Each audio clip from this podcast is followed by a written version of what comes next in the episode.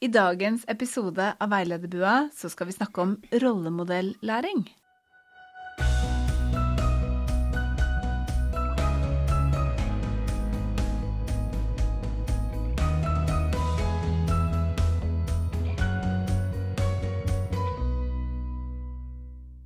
Velkommen til denne episoden av Veilederbua. Vi som sitter i studio i dag, er Heidi Bakken Rygnestad og undertegnede Tove Hansen. Vi jobber begge ved Opplæringskontoret for helse- og oppvekstfag, og lager denne podkasten for deg som er veileder for en BUA-lærling i Oslo kommune.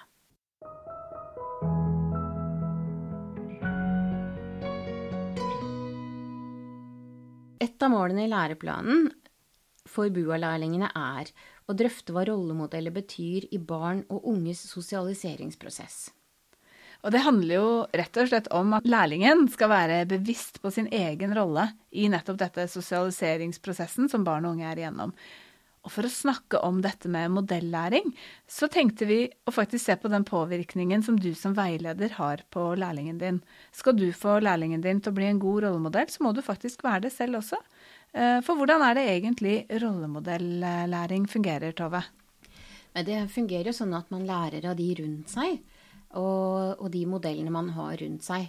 Eh, moren min brukte alltid å si du skal gjøre som jeg gjør, og ikke så, gjøre som jeg sier, og ikke som jeg gjør.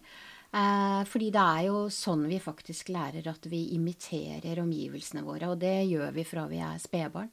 Tanken bak dette med eh, denne formen for, eh, for, utdanning er jo at man skal ha en eh, rollemodell som man skal se til og lære av. Ja, og i fagopplæring, i enkelte av fagene i fagopplæring, så har man jo et uh, ganske tydelig bilde på det. Uh, hvis man f.eks. skal snakke om uh, tømrerfaget, der man har en mester, altså tømreren, og lærlingen som er med i arbeidshverdagen og lærer av mesteren. Da er det jo sånn at Mesteren, tømreren, har jo dette, har god kunnskap om dette, har gjort dette mange ganger og veit f.eks. hva som kjennetegner gode kvaliteter ved et hus. F.eks. skal det jo være tett tak.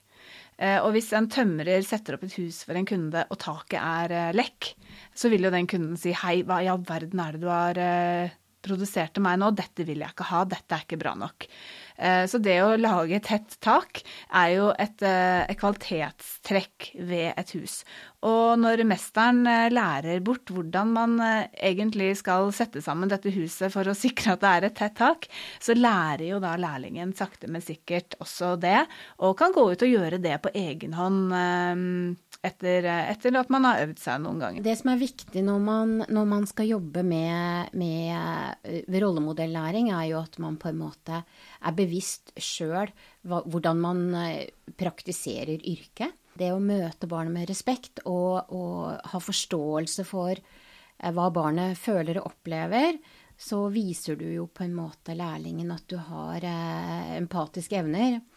Og ved å bli møtt med empati som barn, så vil du utvikle empati selv.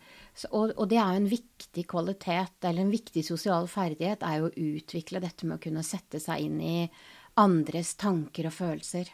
Så akkurat som eh, tømrerlærlingen skal lære seg teknikker for å tette tak, så skal lærlingen lære seg teknikker og arbeidsmåter for å f.eks. fremme empati og respekt eh, i møte med barn og unge. Det er litt vanskeligere å måle, da. Eh, har barnet blitt empatisk? Men allikevel så er det, jo, er det jo det samme.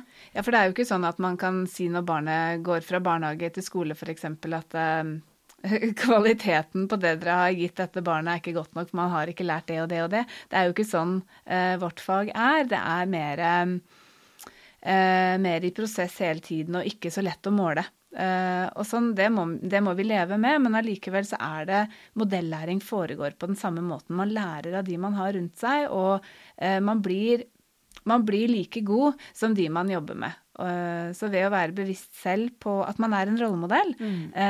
jo mer kunnskap vil lærlingen også få. Mm. En annen ting som jeg tenker som jeg, som jeg, er veldig opptatt av, det er jo at man som veileder skal overføre faglig kunnskap til lærlingen eh, i, i, praksis. De har jo som sagt gått på skole i to år eh, og lært seg teori, mens nå skal de da utføre alt i praksis.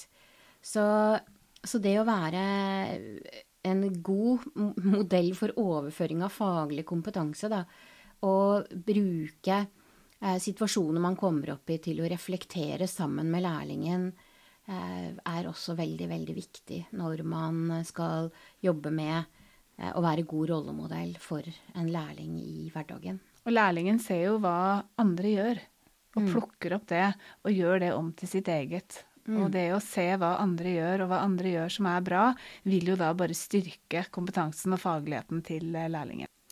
Hvorfor er det så viktig da, at eh, barn- og ungdomsarbeiderne er en god rollemodell?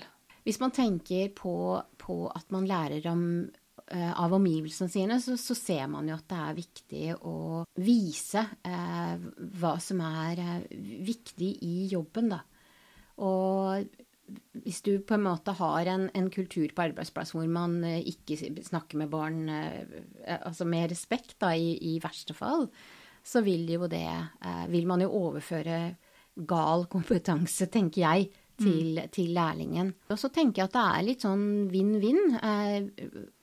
Lærlingen skal reflektere sammen med deg, og du med lærlingen. Og da kan det jo hende at man går inn og vurderer egen praksis òg, sånn at man blir en bedre utgave av seg sjøl, og at arbeidsplassen også har et utbytte av eh, den refleksjonen, da. Men Heidi, du har jo vært lærling.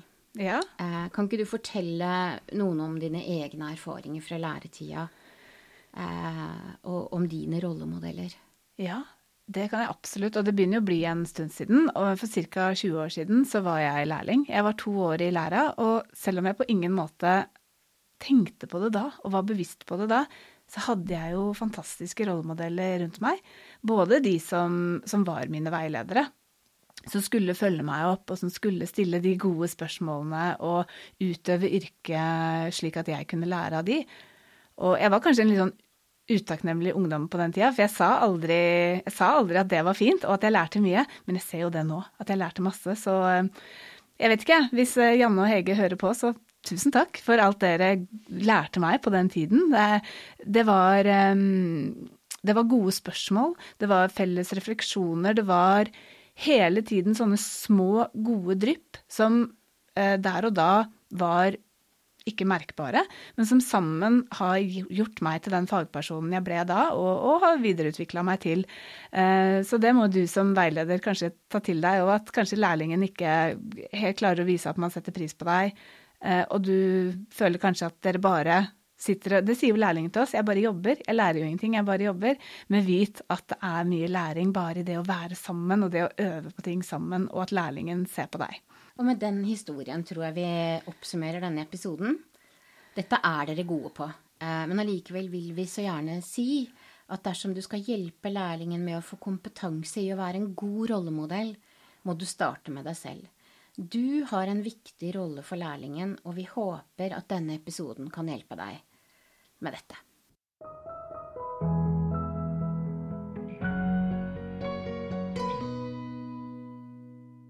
Du har nå lytta til Veilederbua, og i studio i dag så har du hørt eh, Tove Hansen og meg, Heidi Bakken Rygnestad.